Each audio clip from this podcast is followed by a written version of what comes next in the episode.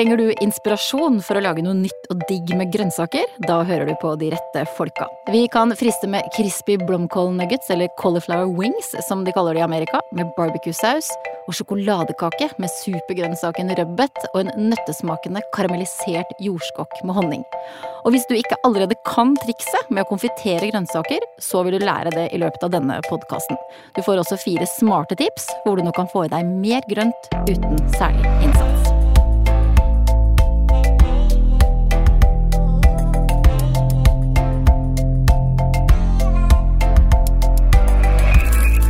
Jeg heter Katrine Ude, og sammen med meg i studio er kokk i Matprat, Cecilie Maske, som elsker grønnsaker. Hei, Cecilie. Heia. Og ernæringsrådgiver Eileen Lundekvam By, som vet alt om hvorfor grønnsaker er bra for deg. Hei, Eileen. Hei. Nå er jeg veldig spent. Hva er favorittgrønnsaken deres? Jeg begynner med deg, eh, Cecilie. Oh. ja, det er veldig lite originalt, egentlig. Men jeg er fryktelig glad i gulrot.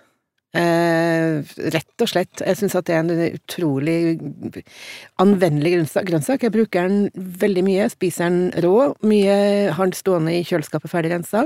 Og så bruker jeg den i alle slags retter, og mange forskjellige tilberedninger.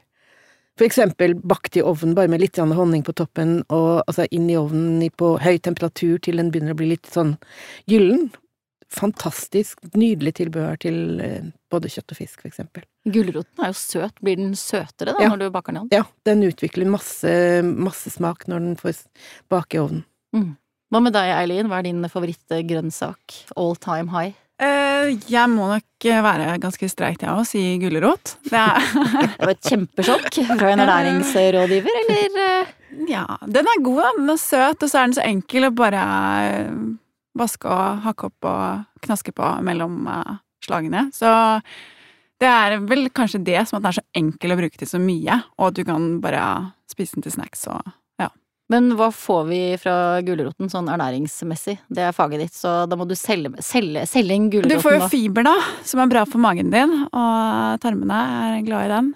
Og så er det betakaroten, en eh, A-vitamin, som eh, vi også trenger. Men det at gulroten er søt, det har liksom ikke noe med sukker å gjøre? Nei. Nei. Det er bra. Det er ikke noe særlig sukker. Det er jo litt karbohydrater i den. Som sagt, det er kastfiber og, og andre karbohydrater i det, men uh, ikke noe sukker du skal være redd for i gulrota. Du får så mye bra annet på kjøpet, så mm. Gulroten er jo en av de grønnsakene som vi får i den norske høstsesongen for grønnsaker. Hva annet godt eh, er det som kommer fra, fra bonden nå, Cecilie? Akkurat nå er det jo veldig mye rotgrønnsaker som er i sesong. Og de er veldig lagringsdyktige, så vi har dem langt utover vinteren, eh, kanskje helt fram til neste vår. Og så har vi kålvekster, som også er suverene eh, og holder seg lenge friske. Eh, hvorfor bør vi spise grønnsaker i sesong, og, og de norske grønnsakene? Det er jo fordi at de er jo så, akkurat nå, de er jo så ferske og friske. De er jo rett fra åkeren. Mm. Og, og eh, det er vanskelig å gjøre feil når du har gode råvarer. Og derfor så er det så innmari flott å kunne fråtse i norske grønnsaker nå som det er i sesong. Mm. Og, og, ja, så er det så mange muligheter ja, til å bruke kålen og disse rotvekstene. Ja.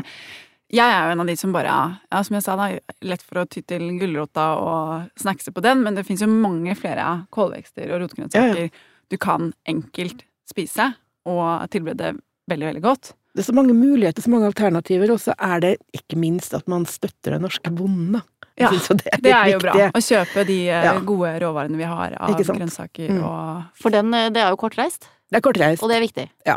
ja. Så bærekraftig å spise norske grønnsaker i sesong. Mm. Ja, absolutt. Mm. Men uh, hvilke grønnsaker er det vi spiser mest av da, Eileen?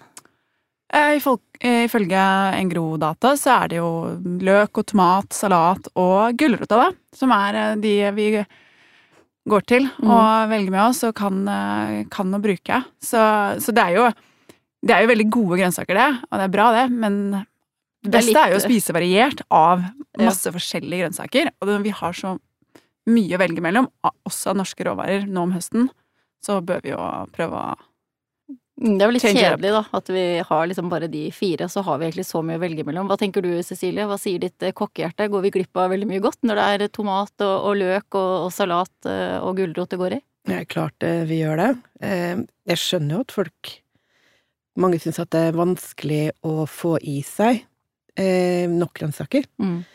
Men de går jo glipp av mye moro, da. Mm. Det er jo så utrolig mye moro man kan gjøre med grønnsaker, og, Ja. og um, også så mye smak som man tilfører et måltid Mm. med å bruke grønnsaker. Ja, for vi Ja. veit jo det, Eileen, at vi spiser jo altfor lite grønnsaker i forhold til det som er anbefalingene i, i kostrådene. Én av fire. Det er, det er kun én av fire som får i seg fem om dagen. Ja, vi er, vi er et godt stykke unna på å komme i mål på kostrådet om frukt og grønnsaker. Og det er jo spesielt grønnsakene vi er dårligst på. Og vi skal spise 250 gram om dagen minst, og får vel i oss 150 gram. Mm. Vi ser jo også at kvinnene er bedre enn eh, mennene på å spise grønnsaker. Så jeg tror det er bra å tenke, altså bli bevisst på grønnsaksinntaket sitt, og, og det å få input på alt det gode man kan lage av forskjellige typer grønnsaker. Mm. For jeg merker det jo selv at man tyr til det samme gamle, og um, når det er så mye godt du kan lage, for å få inn Velge mer, ha lyst på mer grønt, da. Mm. Så ha flere oppskrifter å gå til, og flere smaker å spille på, og retter. For det skjer jo hele tiden ting, nye ting på, på, på mattrender, også på grønnsakene. Og Cecilie, du har tatt med deg tre grønnsaker i studio, som eh, alle tre har gjort en klassereise, eh, og nå kan sies å være litt sånn stjerner på grønnsakshimmelen. Eh, Og vi skal også få lære å lage noen litt digge nye retter av disse grønnsakene du har tatt med deg. Så hva skal vi begynne med? Skal vi ta for oss den, eh, den der, en eh, rødbet? Den rødbet kan vi ta for oss. Det har faktisk med meg ikke bare rødbet, men gulbete og, og en som heter shiogia-bete også. -hmm. Som er en eh, De er veldig nært slek, i slektskap med hverandre. Men de, en, en shiogia-beten er den som heter polka, jeg blir kalt for polkabete også. Den er rosa og Ja, den hvitstripet så inni. fin, da. Den er så kul, den er så lekker, og den er jo så Å ja, selvfølgelig polka, polkagris er godteri. er ja, godteri, ja, godteri, ja. Polkabete, det er kult. Ja, så den er, den er virkelig lekker. Og den gulfargen på de gulbetene er også sånn knallgul, så den gir så mye farge til, til en rett. Ja, jeg syns jo rødbet generelt er jo veldig fargerike. Ja, rødbet er jo fantastisk. Ja. Altså, den rødfargen som er i rødbet er jo helt uh, utrolig lekker, altså. Altså, bare den i seg selv er en flott nok til å, til å spise mer av den. Hva slags eh, på en måte, utgangspunkt eh, hadde rødbeten da, eh, på, i, i kjøkken, Nei, Nei, rødbet er faktisk en veldig, veldig gammel kulturplante. Den har blitt dyrket i Europa, i Nord-Europa, siden antikken, faktisk. Mhm, Antagelig så dyrket de den mest for bladene, for bladene er også spiselige. mhm. Og så etter hvert så, ja. så ja, Visste jeg ikke at bladene var spiselige. ja, det er det. Hvordan smaker de, da? Nei, Altså, du kan bruke dem som spinat, Ja. omtrent. Ja. Så spinat, mangold, den typen der, da. Så freser dem i smør, for eksempel, eller noe sånt som er det, så er den en fin grønnsak i seg selv. Uh, Men den hadde ikke noe sånn særlig høy stjerne før i tida? altså, den var jo antagelig, som mange andre beter, det, jo, det var mye sånn her beter Vi hadde jo ikke poteter på den tiden der, så det var jo beter og, og, og roer og sånne ting som ble spist. Og hvis, hvis, når, det når det var grønnsaker som ble spist, så var det jo mye korn og sånne ting. Og eh, etter hvert så begynte den her roten å utvikle seg, eller de dyrket fram sånn at de begynte å spise roten også, og fant ut at det var en At det var en- godt. At det var, at det var godt, og det, at det var litt sødme i den, og at den var, eh, at den var fin å bruke i forskjellige retter. Og eh, det er også i slekt med altså, sånn sukkerbete som man utvinner sukker av. Det Er er, det? samme, samme Ja. slekten. Og så er det noe som heter eh, Hva heter det? Altså, de betene som blir dyrket til dyrefôr, og som også Ja. det blir produsert biodiesel av, Mm. det er samme slekta. Så det er stor variasjon i ulike Ja, ja, det er det. Ja. Innenfor betefamilien så er det mye forskjellig. Ja. Men det er, de, ja, de er, de er sånn som de trives i, i ganske kaldt klima. De blir egentlig større og, og mer smak i dem jo, jo kjøligere det er i de er klimaet. best her, da. Ja, de trives er godt, godt i ja, Og det er jo en sånn veldig stor kulturplante i, i Russland. Der lager de den her eh, som jeg nesten ikke får til å uttale, borch. Borch. Mm. Den rødbetsuppa som er laget eh, Ja, den, ja. det er jo Ja, Ja, det er jo ja, ja, rødbeter er godt, det, klassisk altså. eh, østblokksuppe. Men nå får man jo rødbet som eh, sånn eksklusiv rødbet tartar på, på restaurant. Ja, den har liksom som har reist seg fra å være litt sånn gammelmodig syltarødbeter og, og rødbetsalat og sånne ting som er, og i sildesalat og sånn. Det, det var der man, man brukte rødbeter, det var jo sjelden at den ble brukt rå, og det var noen retter hvor man hadde Hvor man kokte rødbet og, og brukte den i andre ting enn sylten, da. Men som antagelig som blitt gjenoppdaget av eh, Ja, for nå er den jo kokkene. Den overalt er på overalt. Insta, Ja. som uh, rødbethummus uh, Mm. syns jeg ser Ja. veldig mye av. Hvordan skjer skjer da? er det, så da? fresh i fargen og Ja, men hvordan blir en, en sånn eh, litt sånn eh, Ja. Jeg, tror nok det begynner på restaurantene, Ja. og, og bloggere kanskje som tar for seg eh, de lokale råvarene som de har tilgjengelig, og så løfter dem opp. Mm. Hva er sånn eh, ernæringsmessig, Eileen? Rødbeten, er det skikkelig, skikkelig bra? Ja, eh, grønnsaker er jo bra, og eh, beter er en av de tingene. Rødbeten er jo da Den inneholder jo en del kostfiber. Mm. eh, også, men jeg vil trekke fram folat, forlat et B-vitamin, Mm. som er ganske mye av i rødbeter. Og det er jo ganske mange unge kvinner eh, som ikke får i seg nok folat. Og da kan det være fint å huske på at rødbeten er en grei kilde til det, altså. Er det derfor folk driver med sånn, sånn shotting og sånn? Jeg har sett sånn rødbetshotting og Ja, du får jo ikke Når du juser, juser, grønnsaker sånn som det, så mister du jo kostfiberen, da. Eh, Og du får jo med deg de fleste, fleste vitami, vitaminer i eh, De vannløselige vitaminene i um, jusa, Mm. saften. Men uh, du mister jo kostfiberen. Så trenger du ikke å bruke leppestift den dagen. Nei, du blir, du blir rød rundt munnen. Og så er det en annen ting som er greit å være oppmerksom på når man har spist rødbet, Cecilie. Ja, og det er at du kan få veldig, veldig rød urin. Ja. Og det kan jo gi et sjokk til enkelte som eh, plutselig glemmer at de har spist masse rødbet dagen før. Men det skyldes eh, noen pigmenter som er i, i rødbeten, som heter betacyaniner, Mm. som gjør at, at urinen Eller Altså, den reagerer i kroppen da, og, og farger urinen rød. Det er helt ufarlig. Men det Den- kan være litt morsomt. Ja, den Mm. andre grønnsaken som også har gjort en eh, klassereise, og du har tatt med deg, det er en eh, ja, en knoll, ser det mm. ut som for meg. En Eh, liten knoll. Jordskokken. Ja. Eh, hva, jordskokken er jo hva skjedde med jordskokken? Da den, da den Jo, jordskokken var jo faktisk eh, Kom fra Amer Amerika, den Mhm. også. Eh, før eh, Før poteten. Mhm. Så den var ganske vanlig i Norge på 1700-tallet. Men vet eh, egentlig alle hva en eh, jordskokk er? Nei, jeg, jeg, eh, jeg tenkte ikke på den der når jeg, hører, jeg, jeg hørte jordskokk. Jeg så for meg en sånn litt sånn lang gulrotaktig, litt sånn pastinakk ja. Jeg så for meg ikke en sånn rund knoll når du sa jordskokk, er jo- egentlig. Så jeg ble sånn, å, er det jordskokk? Hva smaker jordskokken? Jordskokken har sånn eh, Den har en veldig sprø konsistens når den er rå, og så har den litt sånn nøtteaktig smak. Eh, mild, eh, fin, eh, fin, mild, men spesielt dette at det er en litt sånn nøttesmak, da, den passer veldig godt sammen med andre typer nøtter også, Mm. faktisk, i retter. Og den, er, den kan spises rå, men det er jo veldig, veldig vanlig å varmebehandle den på en eller annen måte. Mm. Det er ikke nødvendig å skrelle den. Og det kan være ganske altså, det, det blir faktisk veldig mye svinn på den. Ja, men Skru den veldig godt med en børste eller noe sånt for å få vekk all jord. Men den er veldig sånn knudrete, ofte. Mm. Så da er det, da er det Det blir mye svinn på når den blir, når den blir skrelt.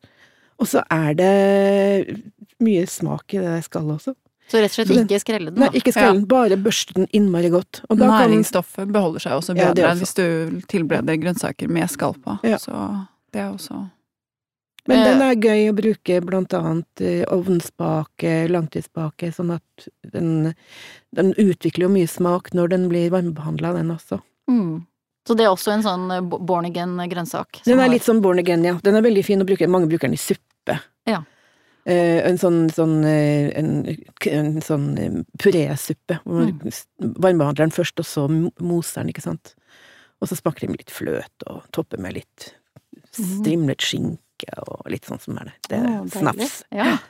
Og den siste grønnsaken du har tatt med deg som også har hatt en, en renessanse, det er blomkålen. Og her er den ikke bare hvit på bordet her, den er gul og grønn og skikkelig knall lilla. Og det er jo akkurat nå, da. Det er det nå man får de her eh, spennende, andre fargede eh, blomkåltypene. Hva De kommer har- det av, egentlig? Eller, er Jeg tror de- bare ulike sorter som de ja, har Ja, som dyrker fram med Ja. ulike farger. Ja. Ja. Eh, Og det den, den er jo Den aller vanligste er jo den hvite, og den er jo aller, aller mest delikat når den er ordentlig hvit. Mm. Ikke sant? Og den eh, Ja, den du har med deg her i dag, er skikkelig sånn Ja, krema er sånn- og frisk ja. Ikke sant? Jo friskere, jo bedre. Og blomkålen har egentlig en, også vært kjent i Norge siden iallfall 1700-tallet. Eh, og jeg har den, den, ikke sant, så den har vært med i kostholdet vårt ganske lenge. Og jeg har en kokebok jeg hjemme, en gammel, gammel kokebok. Der står det at blomkål skal kokes i en halv time. Oi. Oi. Hvis du Da er det ikke koker mye næring igjen. Nei, det er ikke mye næring igjen. Ikke Det er så ikke mye mye, smak det er ikke, det er ikke mye igjen, for å si det sånn. Det lukter kål, og så skal du prøve å flytte den over på et fat, så bare flopp, så er den som en sånn her geléklump, nærmest. Og så skal man da servere det med Min favoritt er jo da kokt blomkål, fiskeboller, hvit saus og potet. Og ikke så mye som et persilledress en gang Du på toppen. tuller nå. Det er ikke din favoritt. Nei, det er ikke min favoritt, da. Det er jo ikke det. Men det er min, min skrekk, egentlig. skrekk, ja, ja. det var jo noe som vi fikk eh, den gang for 100 år siden da jeg var ung. Ja. Men hva er det som gjør at man plutselig da nå serverer blomkål på mm, mye mer delikat, innbydende og smakende vis, liksom? Ja, Er det, det det er jo noen da som har funnet ut at nei, den her, den her skal vi gjøre noe moro med. Ja. Og så er det å begynne med liksom å, å skjære den i to, så man får man, altså, Den blir utrolig dekorativ hvis du skjærer den i to, Ja, for det er som som med stilkfeste. Ja, så blir den Ja. som et lite tre, ikke sant, ja. og så kan du steke den. Mm. Og servere den, og så bruker selvfølgelig bruke avskjæret til å lage en, en sånn fin puré. Mm. Og så serverer det sammen, sånn du har ulike tilberedningsmetoder på den samme grønnsaken på samme Mm. tallerken. Hva er det som er bra med blomkålen, Eileen, sånn eh, for, for, for kroppen? Bortsett fra at den er en grønnsak, er det noe spesielt vi kan få ut av den? Uh, Det er jo en del eh, C-vitamin, faktisk, i eh, blomkålen. Så det er kanskje ikke så mange som tenker på det når de ser for seg hvite, bleke blomkålen, at det, det er mye C-vitamin der. Det er jo gjerne fargerike, man sier jo fargerike grønnsaker inneholder en del C-vitamin. Mm.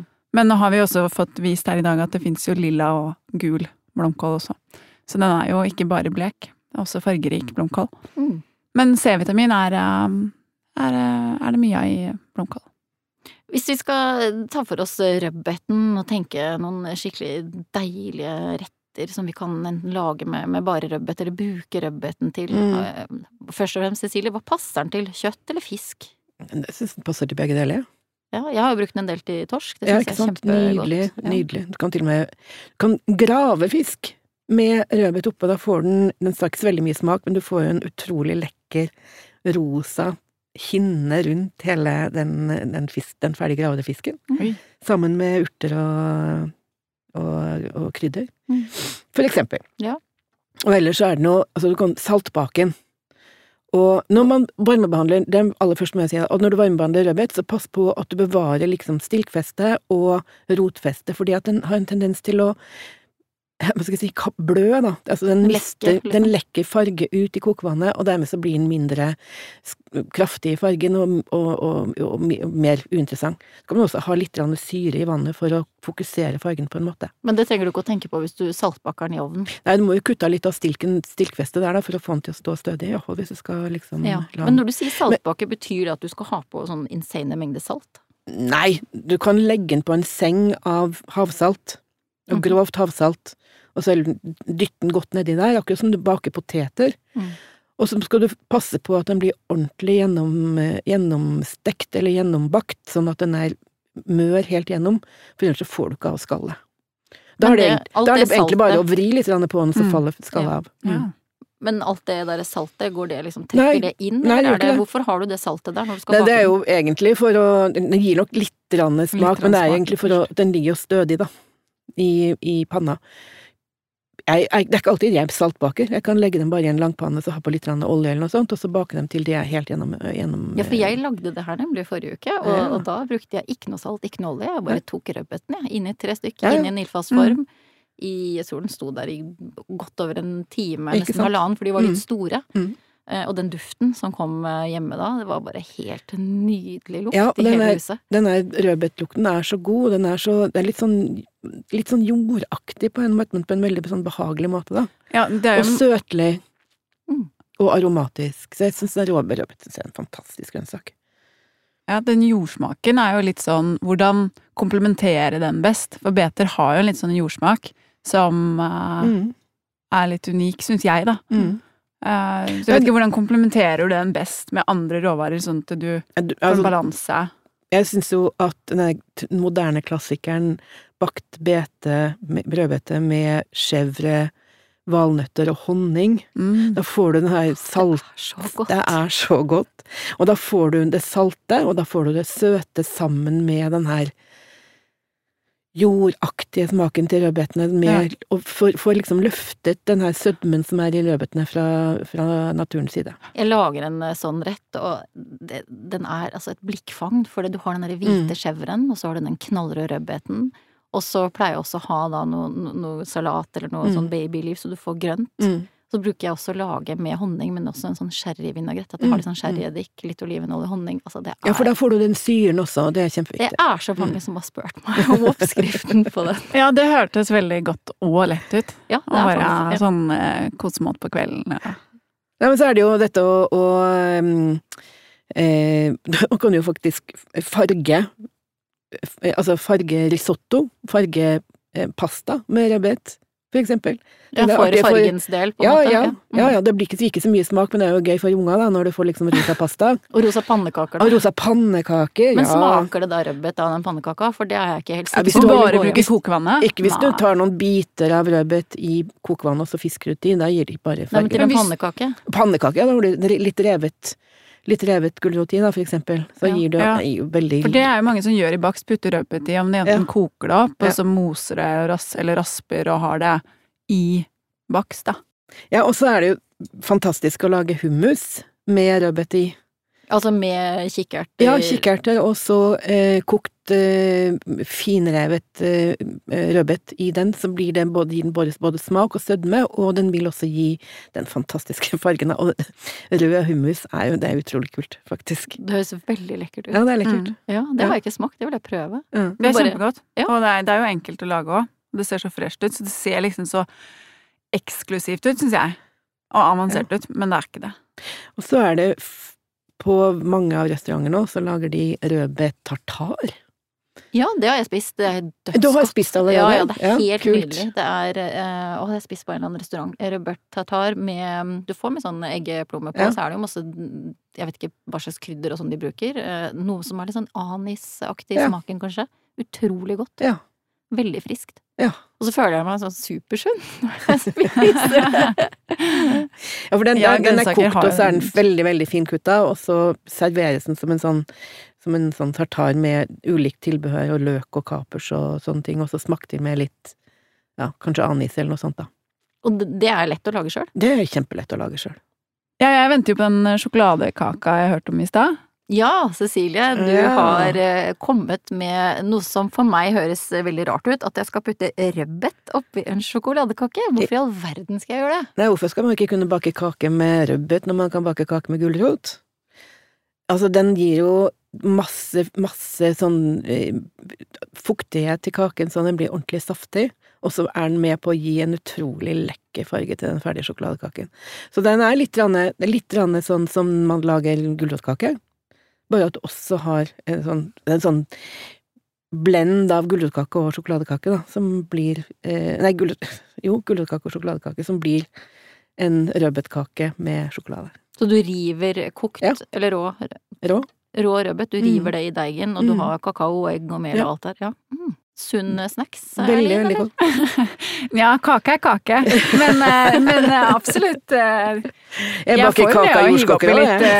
eh, hive oppi litt grønnsaker og, i eh, kakebaksten òg, altså. Jeg har Eh, smakt sjokoladekake med avokado, da, men den er jo litt sånn litt mildere i smaken enn en rødbet. Ja, ja, Ja. Den er, ja, men rødbeten er ganske mild nå når den kommer sånn bakes og Den har så mye sødme, den passer veldig godt sammen med, sammen med Ja. sjokoladesmaken, faktisk. Hva med jordskokken, Cecilie? Hva slags digge ting kan vi lage med den? Jordskokken er jo ø, faktisk vel så anvendelig som poteten, men ø, som sagt så har den jo blitt litt glemt i tidens løp.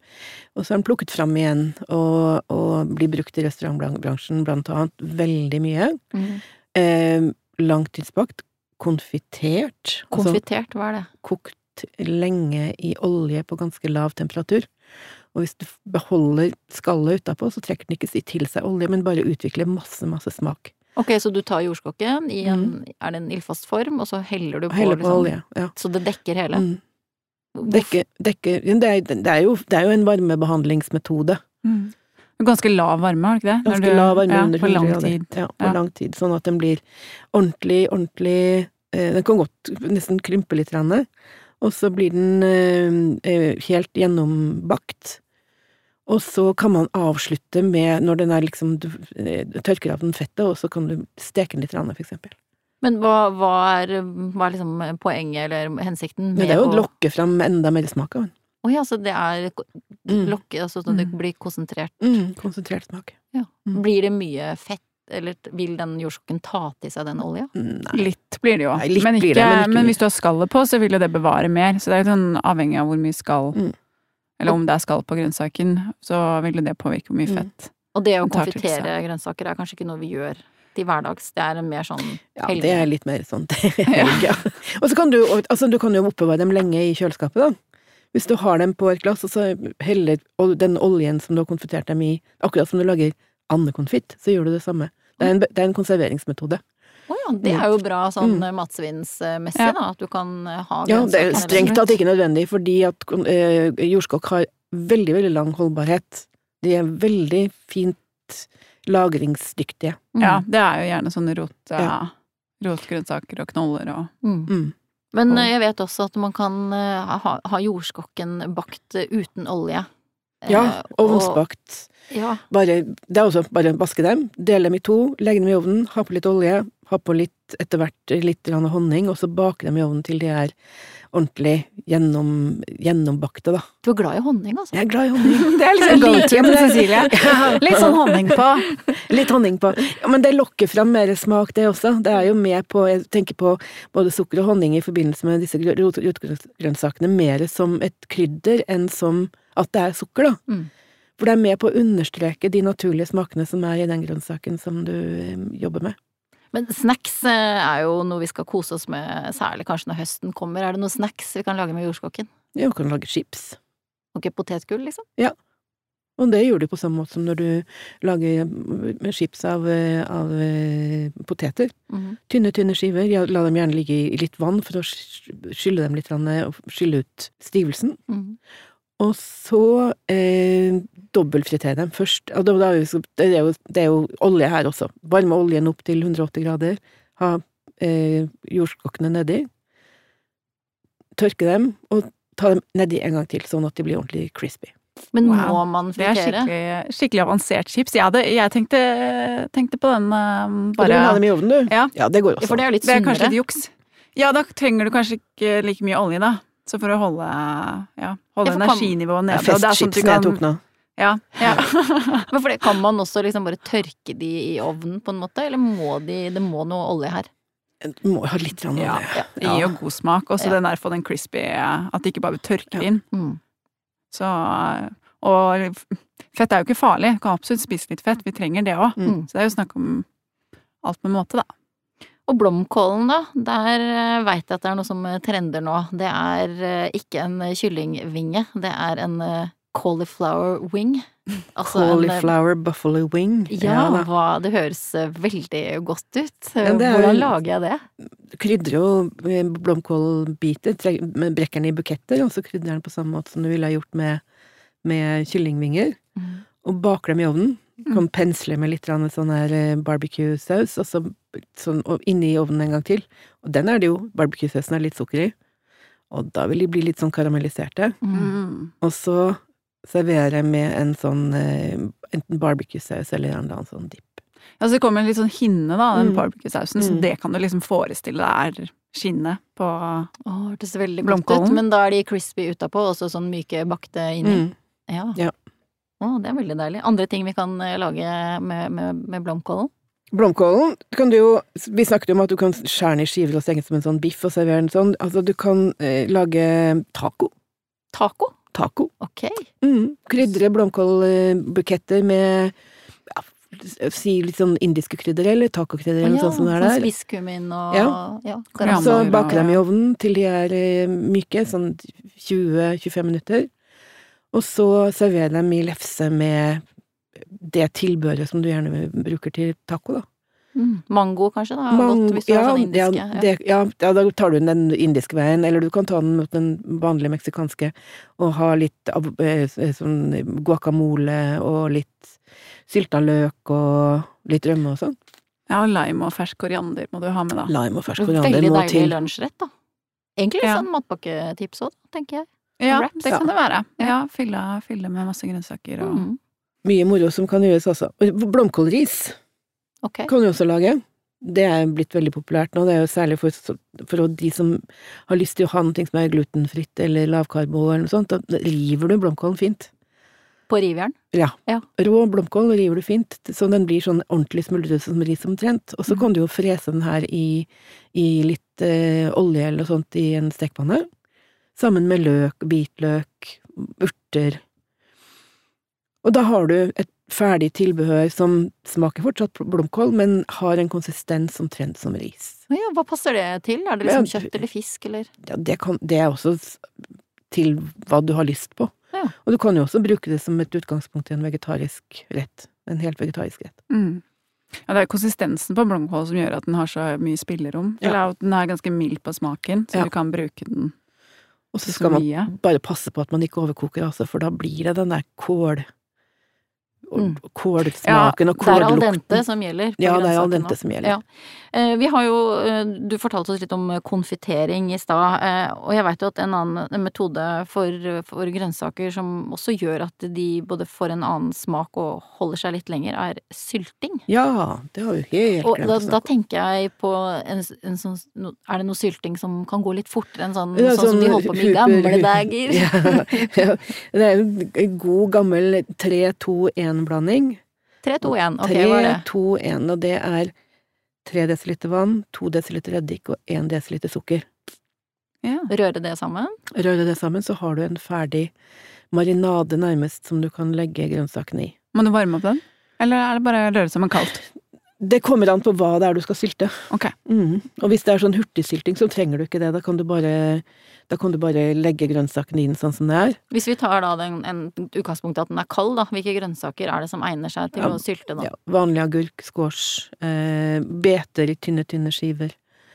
Eh, nærmest som, da blir det som en salat, nærmest, ikke sant. Kan, eh, men er kan oppbevare det i kjøleskapet i en drøy uke, cirka.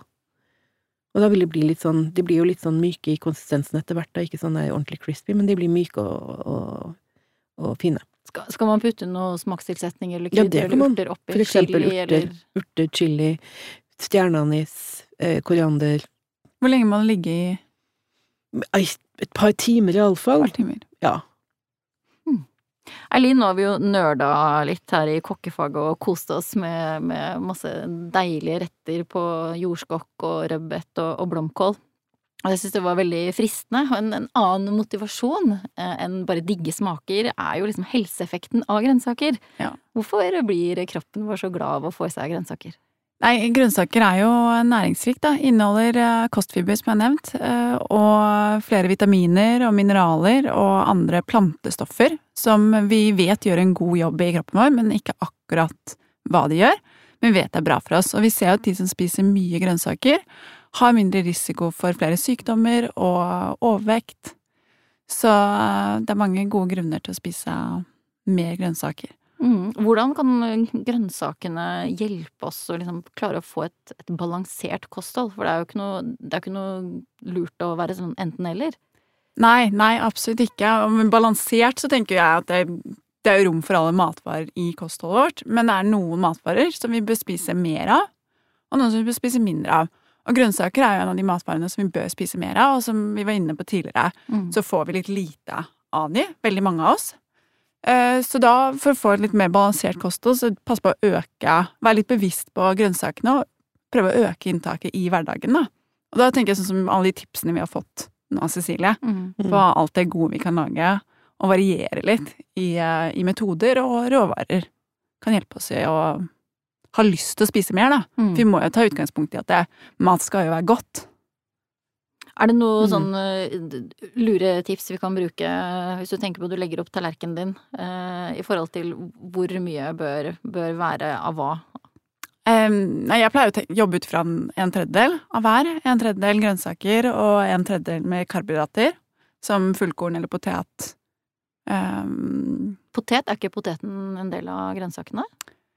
Nei, nei, ikke noe Når det kommer til kostrådene og den fem om dagen, som de fleste kjenner, så er ikke poteten inn i det. Og det har jo ikke noe med at eh, poteten er kjempebra, den er næringsrik og god, men eh, når man gjør forskning på ernæring, så har de gruppert Så er ikke poteten med når de gjør analyser på hvordan grønnsakene virker på kroppen, så er ikke poteten med i de analysene. Eh, så vi har på en måte ikke nok forskning til å si at det, er poteten har en tydelig sammenheng med forebygging av sykdom, da, sånn som vi har på grønnsaker og frukt. Så, men vi vet jo at potetene er næringsrike og gir oss eh, god energi, så man kan absolutt spise mer av det òg. Mm. Og da den siste tredelen på tallerkenen, det er da protein? Ja, det er proteiner. Som mm. egg, melk, kjøtt, fisk eller belgvekster. Men det å, å prøve å endre, endre vanene sine, da, for å prøve å få mer balanse og da få i seg mer grønt, hvordan, hvordan går man frem? Hva skal til for å klare å endre en vane? Nei, det er jo vanskelig. Jeg var jo superkresen som barn, spiste nesten ingen grønnsaker.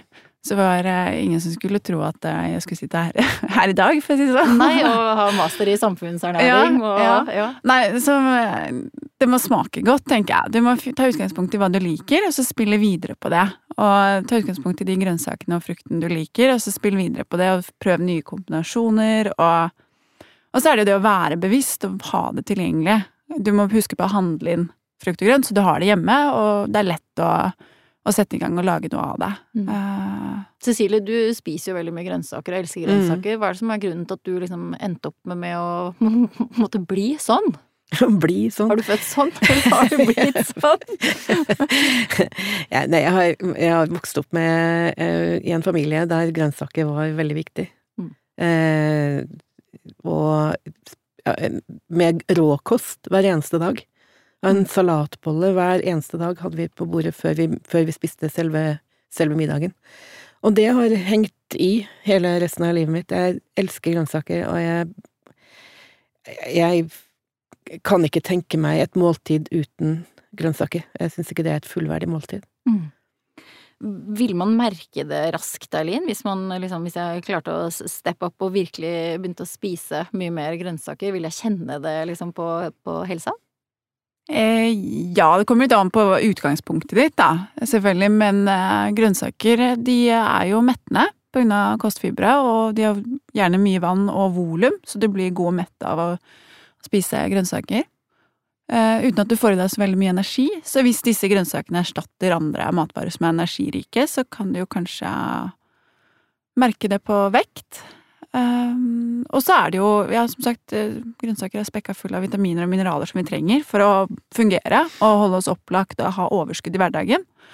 Så hvis uh, du spiser ensidig og får i deg litt for lite av noe, så kan du merke at du kanskje blir mer opplagt av å spise mer grønt og Mm. variert. Helt fritt for konfitering, sylting og ovnsbaking og sånne ting som kan ta litt tid. Eh, Eileen, hva er dine fire beste tips for å få i seg nok grønnsaker uten at det- krever så veldig mye innsats? Nei, min eh, go-to er eh, smoothies. Da får de deg noen porsjoner med frukt og bær, og så kan du ha grønnsaker i. Da kan du ha grønnkål, og du kan Ja, rødbeten, som vi har snakka om i dag, kan du ha i smoothie. Og så er det påleggsgrønnsakene. Ha det i kjøleskapet. Så er det lett å bare finne fram og ha på brødskiva. Vi spiser jo en del brødmåltider, så der bør vi få inn noe grønt. Og um, spice opp alle gryter og supper med mer grønnsaker. Det finnes alltid en eller annen ekstra grønnsak du kan putte oppi. Mm. Og sist, men ikke minst, bare prøve å være bevisst og tenke på at alle måltider kan ha noe grønt i seg. Helt til slutt, eh, hvis dere måtte velge én grønnsak, det var den ene grønnsaken dere fikk lov til å spise resten av livet, hva ville dere valgt? Hva med deg? Ja. eh, Hvem skal gå først? Rekk opp hånda, Nei, jeg, jeg, tar, jeg tar den. Du tar den! Jeg tar den. Eh, løk. Ja, okay. jeg ville hatt løken. Nei, den er den, den gir så mye smak. Jeg føler liksom maten blir fattigere hvis ikke vi kan bruke løk, da. Jeg blir litt lost hvis ikke jeg kan bruke løk i maten. Det gir så mye god smak. Enig. Hva med deg, Cecilie? Jeg er forbaska at vi skal være så enige, altså, men jeg syns også at løk er eh, utrolig både godt og utrolig anvendelig. Og danner grunnlaget i så mange forskjellige retter fra hele verden. Altså, den, den basisen i, i matlaging i hele verden. Og eh, den finnes Det er jo ikke bare én type løk, det finnes så mange ulike sorter løk. Og den er en av de store, eller de fire store, som er også danner basis sammen i veldig, veldig mye matlaging. Ja, tenker du kraft og supper og gryter? Kraft og supper og gryter, altså helt basic, basic. Mm. Løk, selleri, gulrot og purreløk.